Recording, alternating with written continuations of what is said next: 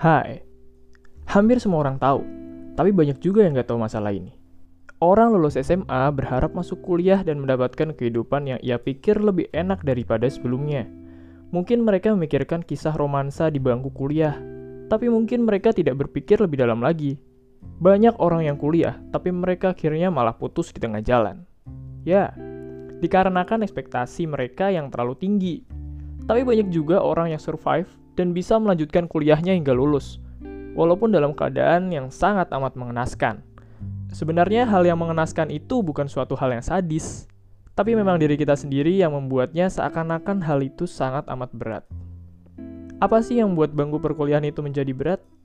Padahal memang jika kita selidiki lebih lanjut, sebenarnya kuliah itu hampir sama dengan sekolah biasa.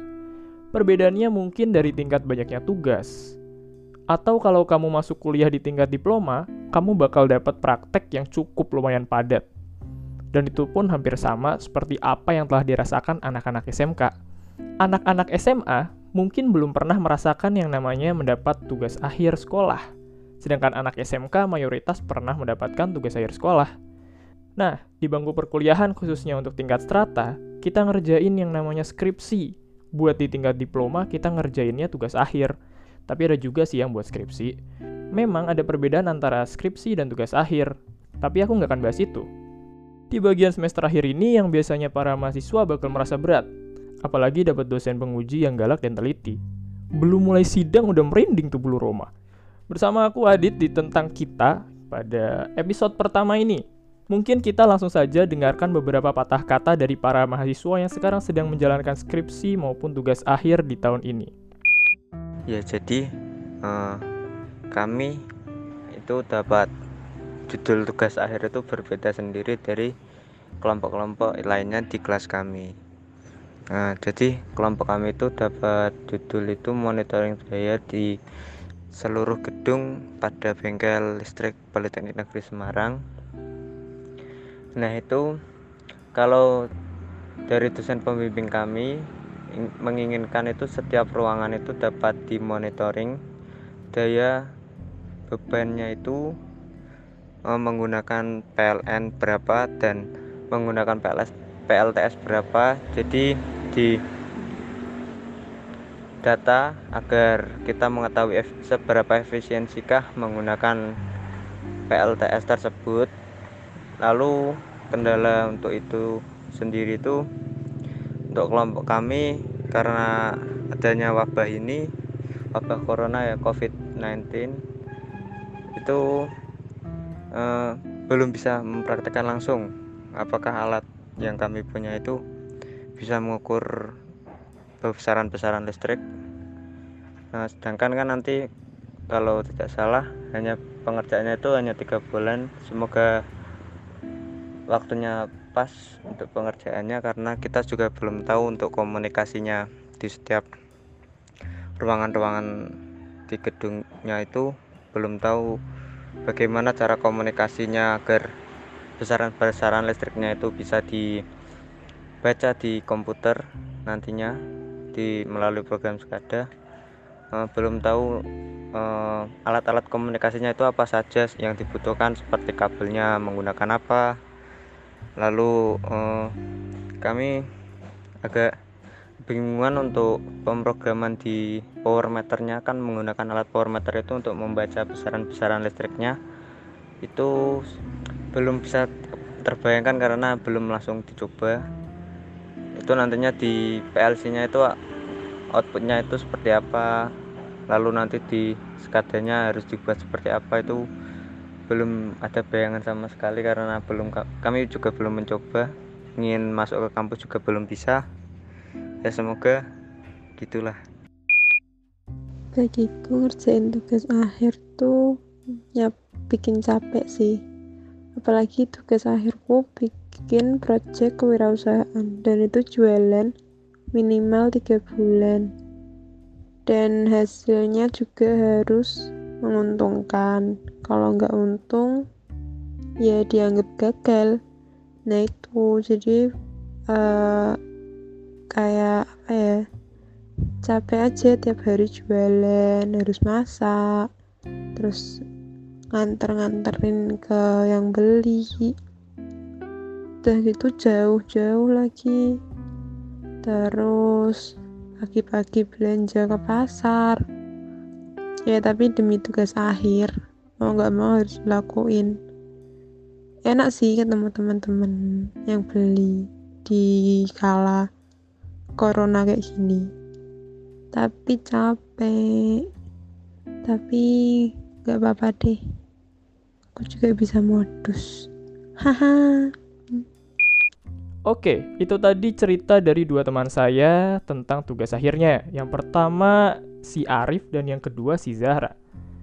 Sekarang saya sudah terhubung melalui sambungan jarak jauh dengan seorang teman saya. Oke. Halo, kenalin nama gue Adi. Kuliah di Semarang. Si Adi ini sebenarnya tuh uh, satu kampus sama aku ya nggak? Iya, iya yoi yoi. Nah, kan kita ngomongin masalah uh, kuliah nih ya mungkin nih yang pengen pengen banget masuk kuliah atau mungkin berekspektasi tinggi sama kuliah nih punya saran gak? Uh, saran gue sih mending kalian uh, tem buat teman-teman yang masih SMA nih yang baru lulus mending gak usah ngarepin SNMPTN deh eh SNMPTN kan udah pengumuman kan? Mending hmm. satu bulan ini dimanfaatin buat SBM aja cuy. Gila SBM aja itu sulit banget soalnya. Terus kan juga gak mungkin kan lu bakal lolos di SBM doang jadi harus maksimalin lah buat SBM at least kalau lu udah belajar SBM jadi kayak ada materi yang lu dapet terus nanti kalau ada ujian UM ting tinggal nambah materi-materi doang nggak usah belajar dari nol lagi kan. SBMPTN itu kayak berkali-kali lipatnya dari UN sumpah. Gila banget apa jadi lebih susah itu ya? Iya kayak kalau UM tuh dalam kadar kita udah kalau UN itu kan kayak masih mencangkup uh, materi-materi SMA kayak semisal rumus-rumus dasar kayak gitu kan kalau hmm. SBM itu kalau menurutku ya kayak kayak makul kuliah cuy. Kita harus nyari rumusnya tuh gimana terus kita baru nentuin hasilnya caranya. Kemudian kita nyari hasilnya. Kayak harus mikir lebih lama. soalnya soalnya itu soal uraian gitu gak sih? Atau tetap A B C D gitu biasa soalnya A B C D sih ah, A B C D. Sampai E deh. Oh sampai E. Oh sorry sorry. Ada pengurangan nilai apa enggak nih? Kalau di UM ya? Kalau UM itu kayak setara dengan SBM lah. Kadang tapi ada yang lebih gampang malah UM UM-nya tapi mostly rata-rata politeknik lebih gampang sih UM-nya makanya eh, kalau misal udah hampir udah nyoba ke univ mana aja tapi nggak lolos coba aja di politeknik cuy tapi banyak juga orang-orang luar sana yang mau masuk ke politeknik. Mereka tuh pengen masuk. Cuman masuknya kalau nggak salah jalur awal-awal itu loh. SPA atau PMDK mungkin. Mereka tuh mau nyoba masuk tapi gagal. Sedangkan mereka nyoba SBM mereka masuk. Itu bagaimana? Oh iya ini ada pengalaman dari temen gue. Jadi temanku itu yeah. kita itu lulus tahun 2017 kita seangkatan nih. Terus dia itu daftar bareng waktu tahun, tahun 2017 itu daftar bareng Polines ikut UMPN UMPN itu kayak SBM-nya buat Politeknik kemudian dia ikut SPA juga kayaknya kalau nggak salah terus tahun depannya lagi ikut lagi kan ikut SPA terus mm-hmm. tetap gak lolos terus tahun ketiganya tahun ketiganya tuh dia daftar undip malah lolos dia daftar itu, undip di jalur jalur UM sih. Itu mungkin oh. gara-gara oh. itu sih. Kalau jalur SBM atau jalur yang nasional itu kan uh, bukan wewenang kayak semis maksudnya UNIF itu nggak uh, bertanggung jawab langsung atas kuotanya. Kalau UM kan itu oh. hajatnya UNIF sendiri kan. Benar-benar. Jadi misal di jurusan ini kan kalau UM juga kan pakainya uang apa sih uang pangkal uh, kayak uang gedung lah gitu ya, iya. uang awal-awal masuk tahu aku kan? misal kalau udah lolos tapi nggak bisa bayar uang pangkal ya gugur sih. Jadi kesempatan hmm, untuk bener. masuk di lewat UN tuh UM itu lebih gampang. Tapi ya itu biayanya lebih mahal. Tapi katanya UM itu kuotanya bergantung sama eh, orang-orang uh, yang nggak lolos atau mungkin orang-orang yang lolos tapi keluar keluar dari itu keluar dari tahapan selanjutnya itu loh. Kan ada tahapan seleksi terus harusnya nunggu dulu Buat masuk ke tahapan kayak apa namanya? Verifikasi bukan sih? Verifikasi ospek. deh. Oh spek. Ya kan harus nunggu dulu buat ospek kan? Mm-mm. nah misalkan orang itu keluar sebelum mulai ospek tapi udah udah pembayaran lah udah inilah terus dia tiba-tiba cabut berkas otomatis kuota yang dia keluar itu masuknya ke UM ya nggak sih? Gini gini. Kalau semisal eh, dicabutnya pas ospek kayak kemungkinan kecil deh buat diterima. Soalnya kan ada masa tenggatnya kan terakhir dicabut Mm-mm. itu kapan. Dan kalau semisal kita masuk daftar cadangan nanti ada masa tenggatnya juga. Nanti bakal ditelepon sama pihak kodifnya ya mungkin kalau sebelum ospek sih bisa. Walaupun hamin satu hari apa gimana. Oke oke. Kalau Adi ini masuknya di jalur apa? Gue gue jalur UM dulu mau UM. ceritain nggak nih katanya dikaliku kaliku daftar tapi belum sebelum ceritain UM katanya nih ya katanya untuk apa biaya kuliahnya lebih mahal bener gak tuh Iya cuy bener sumpah. Gue kan eh, jadi gini nih, gue kan udah Hmm. berusaha berusaha untuk kayak semisal di UM kan kita boleh eh enggak enggak. Kalau UKT kan uang kuliah tunggal kan kita boleh milih mau UKT berapa sesuai dengan eh enggak milih kita ngisi kayak data eh, bener. kemampuan orang tua. Terus nanti data tersebut buat patokan UM. Itu tuh gue lihat di eh, pengumuman yang dapat UKT itu yang paling rendah UKT berapa coba? UKT 4. Kalau semisal di itu jalur yang paling minimal gitu ya Heeh, kalau semisal di jalur-jalur lain kan ada UKT 1 ada, UKT 2 ada, UKT 3 ada, UKT 4 ada. Ini tuh paling banyak UKT 7, rata-rata UKT 7. Yang paling kecil UKT 4. anak-anak PNS tuh biasanya enggak emang gitu sumpah even if lu ngisinya eh, dikecil-kecilin nggak dikecil-kecilin sih kayak hmm, cuma beberapa yang apa yang lo punya teh misal lo punya tiga tiga motor terus di datanya satu doang itu tuh Hmm. walaupun isinya kayak gitu doang tetap dapat UKT paling rendah UKT empatan deh kayak di UKT tiga empatan oh gitu ya. Terus tadi katanya mau cerita itu ya pengalaman masuk kuliahnya ya? Oh ya anjir. Boleh boleh sharing. Ntar aku juga sharing dikit juga nggak apa-apa. Tapi agak nggak seru sih punya aku sih. Jadi tuh gue kan dulu sumpah gue gue dulu kan gak tahu nih mau kuliah apa kerja kan basicnya kan gue kan dari SMK Mm-mm. dulu kayak nggak ada gambaran gitu. Undip aja nggak tahu sumpah. Gue tuh dulu undip aja nggak tahu paling mentok-mentok artinya cuma UNES terus waktu itu kan ada kayak jalur PBU kayak apa ya? Bibit unggul bibit unggul Oh. kayak undip itulah yang buat vokasinya. Gue tuh udah coba Hmm. daftar di situ. Gue nanya-nanya BK terus gue kok kayak bingung-bingung gitu ya. Terus tanya BK terus BK jawab gini-gini gini at the end kayak malah mungkin beda sih BK antar BK-nya kayak gimana ya? Kayak malah nakut-nakutin gitu gitu sumpah. Jadi itu kan misal kan jadi kan gue tanya nih itu PBU kan pakainya rapot. Mm-mm. gue tanya nanti sistemnya tuh gimana gimana gimana. Dari BK masa ngomong gini jadi nanti kamu ke sana buat tes. Anjir ditipu banget gue. Sumpah ditipu banget gue anjir.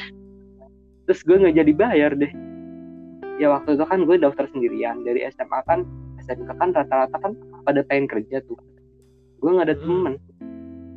Dan gue nggak ada temen dari Semarang kan. Mm-mm. namanya anak SMK kan masih kayak takut-takut gimana gitu kan. Keluar kota sendirian lagi. Terus gue batalin deh udah jadi bayar gitu. Terus terus kok bisa akhirnya masuk ke itu politek? Uh, terus gue coba daftar. Oh ya gue kayak bodohnya gue tuh ngarepin SNM banget. Banget banget banget. Walaupun gue tuh milihnya univ gak terkenal tapi tetap aja nggak lolos cuy. Gue tahu sih emang emang dari sana sananya udah goblok ya. Gue tuh pilih nggak itu udah ngarepin banget SNM eh nggak lolos. Terus gue coba daftar SBM dan itu belajarnya lo nggak lo tau gak sih kalau gue belajarnya satu minggu doang? Ya nggak lolos lah parah banget. Orang SBM soalnya lebih jauh lebih sulit dari UN UM ya UN UN untungnya sebelum itu gue daftar uh, yang SNMPTN buat politeknik namanya PMDK daftar PMDK. Ya, PMDK tapi kayaknya ada satu kesalahan deh. Dulu gue ngirimnya pakai JN eh bukan pakai pos. Iya catatannya tuh kayak suruh ngirim ekspedisi yang resmi gitu loh kayak pemerintah yang gue buat surat. Mm -hmm. tapi di situ gue nggak tahu makanya mungkin nggak lolos ya. Terus abis u abis SBM kan ada pengumuman. Itu gue nggak lolos. Terus coba daftar UM UNS UM UNS itu ambil teknik elektro juga. Tetap gak lolos terus ambil UM Undip eh UM Unsud lolos waduh daftar banyak banget. Terus apa lagi ya? Uh, daftar UMPN Polines juga nggak lolos. UMPN juga gak lolos. Iya anjir sumpah. Mungkin gara-gara belajarnya belum maksimal ya. Kayaknya waktu itu gue masih main-main gitu loh. Dan UMPN kan hmm. saingannya kan seluruh Indonesia. Terus setelah USBM gak lolos gue itu niatan untuk belajarnya mulai timbul. Terus gue belajar lewat uh, Zenius selama satu bulan buat persiapan utul. Gobloknya gue tuh milihnya pas pas pas ujian utul tuh gobloknya gue milihnya apa coba? Jurusan yang favorit anjir tumbah ya nggak lolos lagi lah. Jurusan favorit kayak elektro kan banyak peminatnya. Tapi jurusan yang namanya udah terkenal lah kayak teman gue tuh ada yang ngambil Elins Elins itu eh enggak di instrumentasi elektronika kan oh instrumen iya iya. Uh, dia tuh lolos sumpah lolos di jurusan itu. Gue nyesel banget ngambil itu.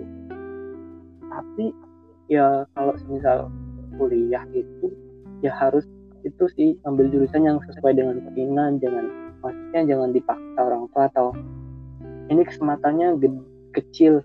Jadi kita jangan masuk ini bukan gitu maksudnya bukan cari kesempatan yang paling gede tapi apa yang kita inginin. Soalnya kan kita bakal jalanin 4 tahun 3 tahun ke depan kan. Kalau kita nggak cocok nanti putus di jalan kan sangat disayangkan sekali. Kalau menurutku nih ya uh, aku kan dulu SMK tuh masuk jurusan sebenarnya aku nggak pengen jurusan ini. Aku aku tuh masuk jurusan kedua masalahnya. Cuman emang dari awal tuh aku udah mikir aku tuh mau masuk jurusan ini sama sama ini kenapa aku milih jurusan aku kan sekarang masuk ke teknik listrik ya kenapa aku masuk ini karena iya, aku pikir lebih lebih apa ya banyak peluang buat kerjanya gitu loh dulu tapi awal masuk emang itu susah banget uh, buat kayak kita harus baca-baca lagi gitu loh. Oh ya. Jadi Pak. waktu awal masuk kan si guru-guru ini tanya tanya apa ya namanya ya eh, soal-soal dasar lah masalah listrik. Aku tuh nggak tahu sama sekali. Akhirnya aku belajar lagi belajar lagi sampai akhirnya aku udah ngerasa ada satu hal yang aku suka di jurusan ini atau di prodi ini lah. Mungkin kalau buat kamu yang dengerin ini uh, pengen masuk jurusan yang tidak sesuai dengan minat, tapi masih ada kemungkinan pasti ada kemungkinan gitu loh pasti ada kemungkinan buat uh, kamu tuh bakal suka sama satu satu pelajaran lah enggak semua pelajaran dari uh, jurusan tersebut gitu loh. Kalau buat aku sih gitu. Nah aku mau tanya lagi nih di. Kan banyak anak SMA anak SMK yang pengen masuk kuliah. Gimana? Ngasih tahu mereka lah kuliah tuh kayak gimana gitu loh. Jadi itu pas gua awal kuliah ya beda banget sih kayak SMA kayak SMA di kuliah itu ya lu bisa ngelakuin apa aja yang lu pengen sesuai dengan uh, peraturan kampus. Dengan peraturan kampus itu longgar banget. Lu lu pengen pakai jeans juga nggak apa-apa sebenarnya. Pakai kuliah pakai hoodie doang juga nggak apa-apa sebenarnya. Pakai kaos doang juga nggak apa-apa kalau nggak ketahuan dosen. Itu fleksibel hmm. banget sih. Terus masalah masalah ini masalah tataran sosial. Enggak tataran sosial sih pergaul pergaulan ya. Kalau di sini itu uh, kalau menurutku ya kalau menurutku itu enggak enggak kayak di SMK kayak kayak enggak kayak di SMA kayak ada geng-gengan gitu loh di sini itu kita bebas ngelakuin apa aja mengekspresikan apa aja. Lu di sini bebas kayak komen orang gitu loh.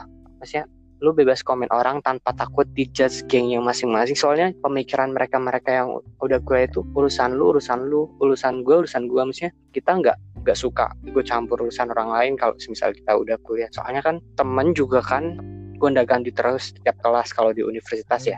Itu kan juga berpengaruh juga sama pola pikir kita kan juga ber, uh, berasal dari macam-macam daerah membaur jadi satu. Gak bisa kan menyamakan satu sama lain kayak lu tuh harus sama kayak gini-gini gak boleh gini-gini. Maksudnya kalau semisal ada orang yang beda bukannya malah dimusuhin malah itu jadi kayak pelengkap antara kita gitu. Kalau semisal kalian gak punya prinsip bakal terombang ambing banget sih bakal ikut sana ikut sini. Malah bakal terlunta-lunta ke kayak di SMK ke kayak di SMA kan ada geng yang kalian bisa ngikut. Kalau di sini tuh Hmm. kayak lu harus punya harga diri buat tetap eksis di dunia kuliah. Maksudnya tetap ada di kuliah itu. Gak bisa percaya orang secara mentah-mentah. Soalnya itu kata-kata tiap individu kadang tuh berbeda. Ada yang baik ada yang emang benar baik ada yang baik tapi ada maunya doang. Itu ada sih. Gini, ekspektasi anak muda sekarang kan mereka sering nonton-nonton film eh, romance gitu loh, Hmm. film percintaan. Kan kebanyakan dari film tersebut itu menunjukkan bahwa Ah. itu asik-asikan doang isinya gitu loh. kasih contoh deh kasih contoh Misalnya nih, jadi di film itu ceritanya ada empat orang. Empat orang itu Hmm. terus-terusan bareng gitu. Terusan bareng, mereka walaupun beda kelas, misalnya satu di kelas bahasa, satu kelas matematika, satu di kelas jurusannya misalnya. Nah terus dalam satu waktu mereka ketemu, langsung mereka asik-asikan. Tapi kan di situ tidak di film itu tidak dijelaskan bagaimana berat tugasnya, bagaimana berat dari apa mungkin dosennya seperti apa gitu kan tidak dijelaskan gitu loh maksudnya. oh iya ya pak sebenarnya tuh gue bingung mau ngomong aku apa aku kamu apa gue lu lagi aku kamu aja deh biar mengimbangi sama moderator. Biar mengimbangi sama Mas Adit.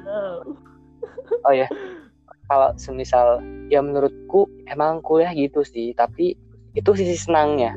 Ada juga sisi gak enaknya juga. Gak enaknya tuh gini. Lu kuliah cuma misal nih kalau kan nanti kan kuliah ada beberapa beberapa makul.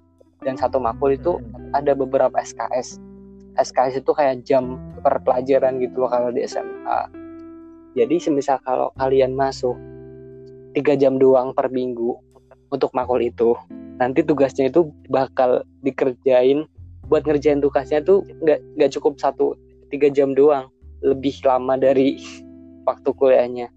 Jadi gini ya kuliahnya emang tiga jam tapi tugasnya itu loh yang ngerjainnya bisa satu hari dua hari tiga hari. Apalagi kalau tugas analisis kan itu butuh waktu lama untuk menganalisis. Itu bisa sampai berhari-hari sih. Apalagi kalau misal aku kan teknik listrik menganalisis Hmm. KWH meter itu bisa sampai berapa bulan ya? Satu bulan diamati difoto tiap hari anjir. Dan itu nanti hasilnya dibikin laporan dan analisis. Jadi gitu sih. Ya ada enaknya ada ada ada sisi ada pahitnya juga ada manisnya ada pahitnya juga Menurutku nih, kalau emang di UNIF, kalau ini kan kita di Politeknik nih ya, di. Kalau di UNIF menurutku kalau misal emang dibuat kayak kelompokan gitu tetap membantulah satu sama lain. Jangan memberatkan. Kalau memberatkan tuh tetap kasihan sama itunya sih yang ngerjain.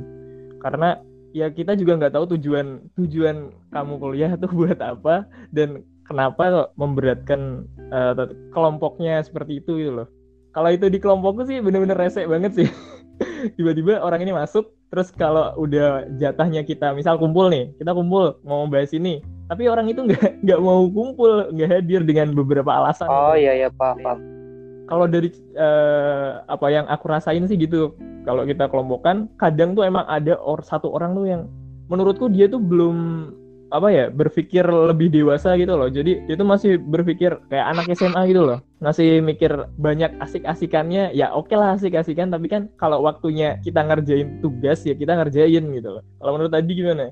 kalau menurutku sih emang ada orang kayak gitu tapi kebanyakan dari anak kuliah itu nggak gitu sih kita kan kuliah kan diseleksi tuh kan seleksinya lumayan ketat jadi mereka mereka yang kuliah itu aku anggap mereka yang udah terpilih lah udah terseleksi jadi menurutku sih mereka mereka itu emang orangnya rajin cuma kalau semisal nggak mau ikut kelompok kebanyakan sih eh, di kelompok itu gak satu pandangan sih satu pandangan atau satu prinsip dengan apa yang mau dibuat jadinya itu dia ogah-ogahan gitu Oh, Kayak- paham, paham. udah males di awal jujur Paham. aja nih gue juga pernah kayak gitu sih sebenarnya Ya setiap yang kuliah kayaknya juga ada pernah ngerasa kayak gitu sih. Sebenarnya ini juga bakal dirasain juga sama anak-anak yang masih sekolah sih. Karena emang beberapa orang ya, masing-masing orang punya karakter. Kalau karakternya dia tuh misalnya kalem terus dia satu kelompok sama orang yang suka urakan gitu kan si orang yang kalem ini kan bakal ngerasa nggak cocok gitu ya. Bakal maksain diri gitu loh. Eh, tapi aku nangkep gini sih gunanya kuliah itu ya buat seperti itu buat kita fleksibel itu soft skill menurutku sih untuk mempersiapkan di dunia kerja soalnya kan kalau di dunia kerja kan emang kalau udah tanggung jawab kita nggak bisa mangkir kan. Kan kita kan bekerja untuk dibayar. Jadi kalau semisal kita kayak ogah-ogahan buat bekerja kan berarti kita mengingkari komitmen. Di sini itu kuliah kayak pengajaran kita dewasa kan. Fleksibel dengan society gitu loh. Kayak punya agar sosialnya itu lebih matang lagi dari apa yang didapat di SMA Iya sih di SMA misal ada orang yang pas ormawa eh ormawa eskulnya tuh dapat banget. Tapi mereka itu mostly dari daerah yang sama memiliki karakter yang sama. Belum pernah ngadepin mereka yang dari Papua mereka yang dari Batam mereka yang dari Kalimantan yang pemikiran itu beda-beda yang kumpul di suatu tempat gitu. Oh ya, Hmm. Adi ini sekarang semester berapa? aku semester 6 udah semester tua cuy Semester tua. Ya kalau semester 6 di Politeknik. Politeknik ini kan kebanyakan di 3 ya. Otomatis semester Iya. 6 kan semester akhir nih. Hmm. Apa hal yang paling memberatkan di semester akhir ini? kalau aku mikir secara rasional yang memberatkan itu SKS yang terlalu banyak sih di semester akhir kita masih dapat 22 SKS 9 makul 7 dari makul itu teori jadi bisa dipikirin tugasnya bakal sebanyak apa Aku kan juga punya temen di prodi lain lah. Dan mereka ternyata punya mata kuliah yang lebih sedikit daripada di teknik listrik gitu loh. Katanya mereka mengambil eh, kurikulum yang baru. Jadi beberapa prodi program studi di teknik elektro Politeknik Negeri Semarang itu ternyata belum mengambil SKS ah, bukan sorry bukan SKS eh, belum mengambil Kurikulum. yang baru makanya beberapa Hmm. dari kita kan SKS-nya banyak banget gitu loh. Mata kuliahnya banyak banget. Ya gimana lagi ya? Kalau mau nerapin kurikulum memang harus dari semester 1 sih sebenarnya. Iya bener banget. Sebenarnya tuh pas aku, aku di semester 2, 3, 4, 5 kayak mikir gitu loh. Kok aneh banget kita dapat SKS-nya cuma 19 22 nggak nggak nggak lengkap sampai 24 gitu loh. Misal dilengkapin jadi 24 kan di semester akhir kan kita nggak terlalu berat kayak gini kan Hmm, bener. Nah, banyak juga anak-anak yang di semester akhir atau kita sebut aja tingkat akhir lah ya. Tingkat akhir semester Hmm. akhir. Ini kan banyak juga yang ngerjain skripsi atau tugas akhir. Karena juga di universitas juga ada yang disuruh milih itu loh. Kamu mau ambil skripsi atau tugas akhir. Kalau menurut Adi sendiri kan kita dapetnya tugas akhir nih. Tugas akhir itu gimana? iya kalau menurutku sih tugas akhir sih yang paling berat sih soalnya kan kita kan bikin alat yang real Mm-mm. kita kan juga kelompok nih kalau misalnya nggak ada waktu buat ketemu dan pesen alat itu bagaimana bagaimana caranya buat sidang kalau misal skripsi kan bisa dikerjain di rumah kan terus nanti sidangnya online Bener, bener, bener. Susahnya dibeli alatnya ya. Oh, betul. Sebenarnya tuh kalau itu kalau skripsi malah sidangnya lebih enak. Soalnya kalau semisal univ yang menerapkan itu sidangnya online ya, kalau malah sidang online tuh lebih enak kayak nggak terlalu deg-degan gitu loh. Kita juga bisa nyontek-nyontek di atas laptop. Iya sih. itu sebuah trik ya. Aku juga kadang kalau presentasi ada nyontek-nyonteknya tuh. Ditaruh di notes ya nggak sih? notes PowerPoint. Ah iya betul banget. Kemarin tuh gue kan habis presentasi Ah. online tuh sama dosen bahasa Inggris. Terus kan kalau bahasa Inggris kan ada kata-kata yang kita kadang lupa. Mm, bener. terus gue nulis di dinding nulis di dinding satu kata doang sih satu kata doang sih itu berguna banget Ya itu trik baru kalau kuliah online, presentasi kuliah online. Beberapa minggu kemarin tuh aku kan juga presentasi bahasa Inggris juga.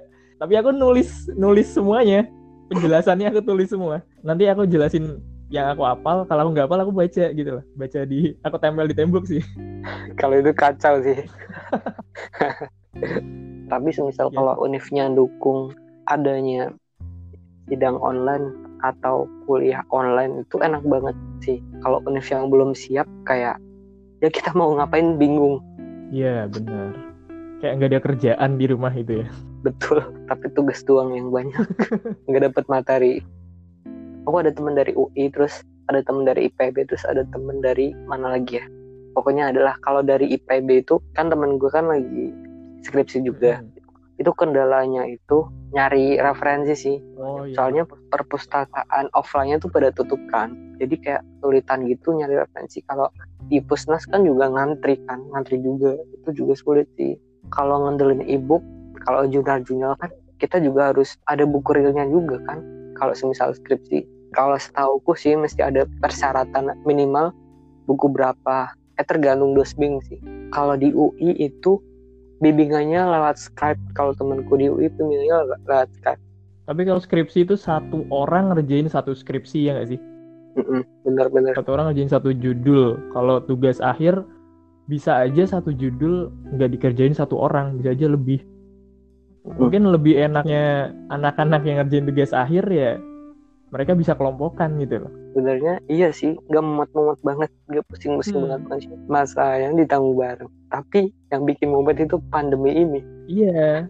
Itu yang membuat semuanya tersendat gitu loh. Tiba-tiba kita tuh berhenti di tengah-tengah. Padahal kan udah direncanain misal di bulan April aku kan udah ngerencanain buat beli barang. Dan ternyata di bulan April sekarang kan April dan ternyata nggak bisa sama sekali. Susah banget.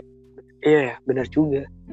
Mungkin ada ada saran buat eh, yang lagi ngerjain tugas akhir atau yang mungkin lagi susah-susahnya nih mau bimbingan skripsi atau yang lagi mau sidang tapi ditunda dulu. Dan harus dimulai bulan Juni udah baru dibuka Heeh, benar-benar gimana nih kalau saran dari kamu? Kalau dari aku sih maksudnya kan ini kan belum lagi berproses ya. Ya skripsi ini kan lagi ini, ini prosesku. Jadi belum ada pengalaman sebelumnya. Jadi kayak nggak bisa ngasih saran yang based on my experience gitu loh. Jadi saranku sih ya dikerjain aja laporannya dari bab 1 sampai bab berapa terus nanti alatnya bisa nyusul tapi masalahnya troubleshootingnya sih yang kudu dipikir bener-bener. Ya intinya dikerjain dulu dan stay at home. Bener. Entah apa pun hasilnya. Apa pun hasilnya. Masalah hasil tuh bisa direvisi bener. cuy. Hasil bisa direvisi. Tapi kalau udah sakit ya ditinggal pergi. Ya tetap stay at home aja ya buat teman-teman ya. Nah betul. Kesehatan kesehatan itu yang paling utama. Oke, terima kasih ya Wigunadi udah menyempatkan waktunya. sama-sama pak. Yaudah gitu aja sih. Terima kasih buat kamu yang udah dengerin. Yang harus kamu ingat adalah tetap semangat walaupun gak ada yang nyemangatin. Karena hidup nggak melulu soal bahagia, hidup juga nggak melulu soal sedih dan patah semangat. Hidup dapat berarti kalau kita saling berinteraksi, dan hidup akan terasa nyaman kalau kita saling memaafkan. Salam dariku buat kamu yang jauh di sana.